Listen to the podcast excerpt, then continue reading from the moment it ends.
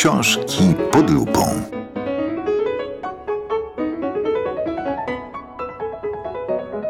O powieści Elif Szafak, Bękart ze Stambułu rozmawiają Anna Wysocka i Katarzyna Plichta-Szwarc.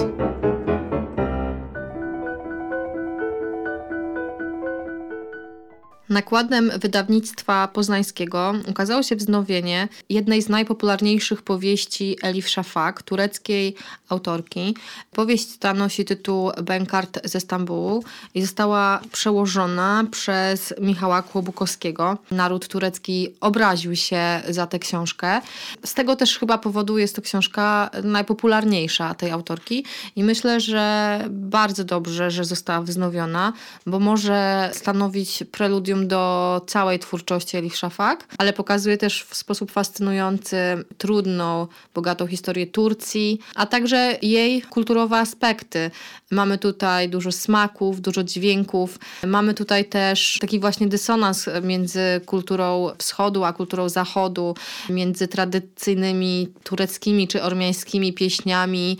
Pojawiają się też kawałki Johnego Kasha, a młodzi Turcy spotykają się w kawiarni, która e, nazywa się Cafe Kundera. Jest to taka saga rodzinna albo saga dwóch rodzin, opowiadająca paralelne losy dwóch młodych dziewcząt, obie wychowywane bardzo, bardzo różnie, ale jednak łączy ich historyczna nić, którą jakoś próbują obie rozwikłać. Ta książka ma bardzo wiele interesujących aspektów i mimo tego, że jest taką typową powieścią, gdzieś nawet taką przeplataną baśnią, trochę podaniem w niektórych miejscach. Czyta się to bardzo lekko, a z drugiej strony ta wielość treści, która tam jest zawarta, bo to co powiedziałeś to jest tak naprawdę preludium, bo mamy tutaj historię Turcji współczesną i w ogóle sytuację kobiet w Turcji, bo trzeba powiedzieć, że Autorka jest znaną wykładowczynią oksfordzką, nie tylko pisarką.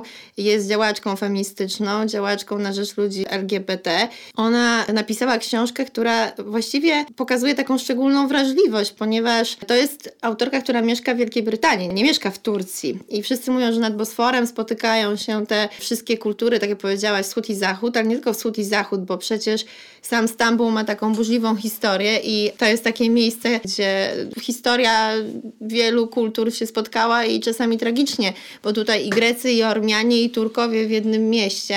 No i tutaj też dlaczego Turcja się obraziła, ponieważ pokazuje Turków względem Ormian te wszystkie grzechy ich, e, które miały miejsce. To jest dosyć świeża cały czas historia. Trzeba powiedzieć, że Ormianie są taką mniejszością narodową w tym momencie na emigracji, która bardzo, bardzo e, próbuje dociec tam swoich praw za grzechy, które im zostały wyrządzone. Te dwie młode dziewczyny, o których wspomniałaś, jedna żyje w Stanach na emigracji i jest wychowana w bardzo dwojaki sposób, ponieważ z jednej strony ma tą rodzinę ormiańską, która jest bardzo tradycyjna, z drugiej strony ma matkę Amerykankę, która wychodzi na złość ormiańskiej rodzinie za Turka, za mąż. Ona tak naprawdę nie wie kim jest, a tożsamość jest tak porwana, z drugiej strony ma tą e, nową przyjaciółkę, którą poznaje zupełnie przez przypadek, nie będziemy zdradzać jak to się tutaj wszystko podziało, w Stambule, która jest wychowywana za to w tradycyjnym tureckim domu, ale o tyle dziwnym, który jest złożony wyłącznie z kobiet i tu właśnie jest ten taki dziwny kontrapunkt trochę związany też e, z tymi po, feministycznymi poglądami, ponieważ te kobiety są drastycznie różne to jest jakby grupa ciotek, które wychowują jedną młodą dziewczynę i jedne są tradycjonalistkami chodzącymi w chustach, wyznającymi islam w takim tradycyjnym mm, rozumieniu, a z drugiej strony mamy jedną z głównych bohaterów, która się zaczyna powieść, ciocię Zelichę, która jest wyzwoloną kobietą, która mówi to, co myśli, ubiera się wyzywająco, prowadzi salon tatuażu, jest zupełnym przeciwieństwem tradycyjnej kultury tureckiej to już się pojawia na etapie wspomnień matronki rodu, czyli no, prababki, najmłodszej bohaterki tej powieści, która wspomina o czasach tej rewolucji kulturalnej, y, która się zadziała w Turcji i która oddzieliła grubą kreską wszystko, co było wcześniej, ale która dała też kobietom możliwości Wybory. emancypacji, ale ta emancypacja też według tego, co dostajemy w tej historii, mogła polegać na wyborze różnego rodzaju trybu ży życia. To jest też niesamowite, bo to jest dom złożony, tradycyjny dom, ale homogeniczny, bo złożony z siedmiu kobiet, y, więc moim zdaniem też brawurowo Elif Szafak udało się oddać te różne, różnorodność charakterów, osobowości. Historia jest napisana prosto, dialogi są proste, a jednocześnie jest bardzo bogata w treść. Jest to świetna książka, żeby poznać trochę historii Turcji i y, złożoności tej kultury. Dla mnie istotną rzeczą, którą wyciągnęłam z tej książki, to jest trochę taka analiza kultury gniewu, historycznej złości, która w ludziach narasta, bo często, jeżeli mamy jakichś oprawców, to przekazujemy tą swoją złość na szersze grono winnych. Tutaj jest y, świetna zrobiona, moim zdaniem, analiza tego zjawiska, bo dziewczyna, która przyjeżdża ze Stanów, jest y, totalnie przez swoją rodzinę ormiańską, mieszkającą w San Francisco, nastawiona antyturecko. Tak samo jak nas wychowywano w tym, że każdy Niemiec to jest zły hitlerowiec i ona nagle jedzie do miasta, gdzie się okazuje, że tam są po prostu zwykli ludzie i oni nie rozpamiętują, jakby możemy oczywiście, nie należy zapominać o historii, o spuściźnie w żaden sposób, ale też nie można e, na przyszłości się zawieszać. Tu jest to bardzo fajnie powiedziane, bo ta historia ogólnie jest pod wieloma względami mm, taką pętlą. I też fajny przykład wybaczania, wydaje mi się, na wielu płaszczyznach i takiego historycznego, yy, i takiego prywatnego, po prostu ludzkiego, bardzo różnego spojrzenia na to, co ktoś odbiera za krzywdę i że każdy ma prawo krzywdę inaczej rozumieć i inaczej z nią postąpić. I zemsta i bezwzględne przebaczenie mogą być równie złe i równie dobre. Bękart ze Stambułu, Elif Szafak, wydawnictwo poznańskie przetłumaczył Michał Kłobukowski.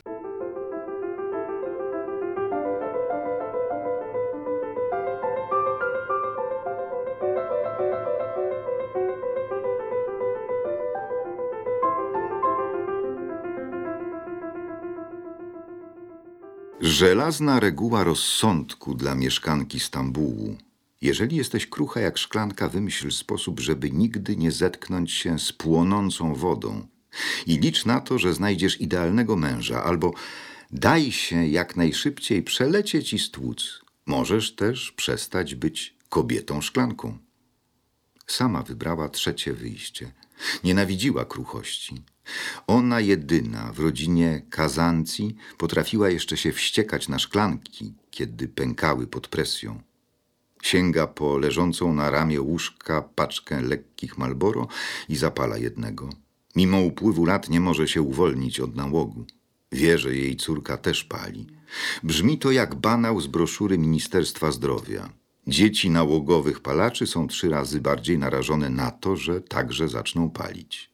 Ciocia Zelicha martwi się o Asję, ale rozum mówi jej, że jeśli będzie nadto się wtrącać, okazując córce brak zaufania, wywoła tylko ostry sprzeciw.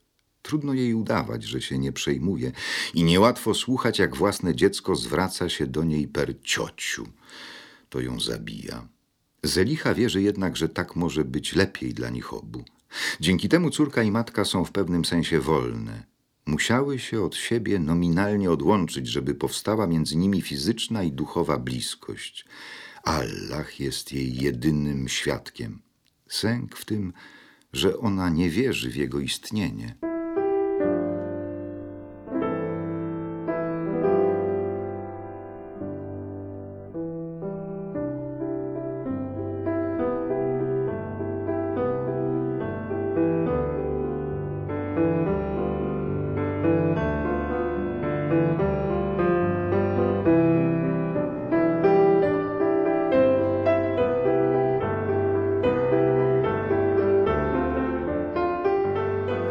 To kolejne wydanie książek pod lupą, które przygotowały Anna Wysocka i Katarzyna Plichta-Szwarc.